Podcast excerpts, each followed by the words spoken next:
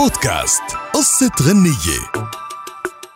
قصة غنيتنا لليوم رح تكون عن العيد وخاصة إنه نحن على أبواب عيد الأضحى المبارك. ما منشعر بالعيد وبهجته وسعادته إلا وقت اللي منسمع أغاني بتبشرنا بقدوم العيد. ومن أهمها أهلا بالعيد اللي أصبحت وكأن النشيد الرسمي لأعيادنا بيرددها وبيحفظها الكبار وصغار من أكثر من 40 سنة.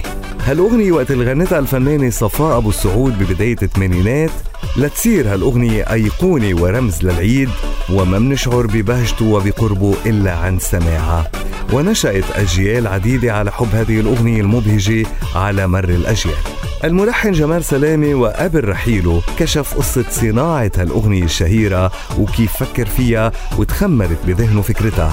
وقال كنت بسمع دايما أغنية يا ليلة العيد للسيدة أم كلثوم وكانت الأغنية الوحيدة اللي بتتردد في العيد. وكنت بشوف إنها مخصصة للكبار وسألت نفسي ليه ما فيش أغنية للأطفال عن العيد؟ وكان نفسي أعمل حاجة عن العيد للأطفال. وتابع وقال ذهبت لصديق عمري الشاعر عبد الوهاب محمد وقلت له عاوزين نعمل حاجة للأطفال.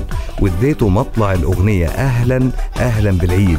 وقلت له كمل الكلمات. واتصلت بصفاء أبو السعود وكانت ساعتها أشهر مطربة تغني أغاني الأطفال. وكانت بتجمعنا زمالة أثناء الدراسة في الكونسرفاتوار. وأضاف أول ما قلت لصفاء أبو السعود مطلع الأغنية استغربت وقالت يعني إزاي هقول أهلا بالعيد أهلا بالعيد؟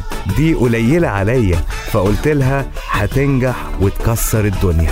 وأوضح جمال سلامي إنه اتصل بالمخرج شكري أبو عميرة لتصوير الأغنية وقال صورها أبو عميرة في الشارع واستخدم الحنطور والدراجات فكان أول تصوير للفيديو كليب في مصر وكان سبقا للمخرج شكري أبو عميرة. وفي إحدى حوارات الفنانة صفاء أبو السعود عن هالأغنية بتقول إنها كانت مترددة بأنه تقبل غناء هذه الأغنية وأكدت أنها شعرت بالقلق خوف من أن يتم مقارنة الأغنية مع أغنية يا ليلة العيد لكوكب الشرق ولكنها تشجعت ووافقت لتحقق هالأغنية نجاح مذهل وتستمر عبر الأجيال لتصبح من أشهر أغاني العيد. فمع اقتراب عيد الأضحى المبارك بدنا نقول لكم عيدكم مبارك وكل عام وأنتم بألف خير.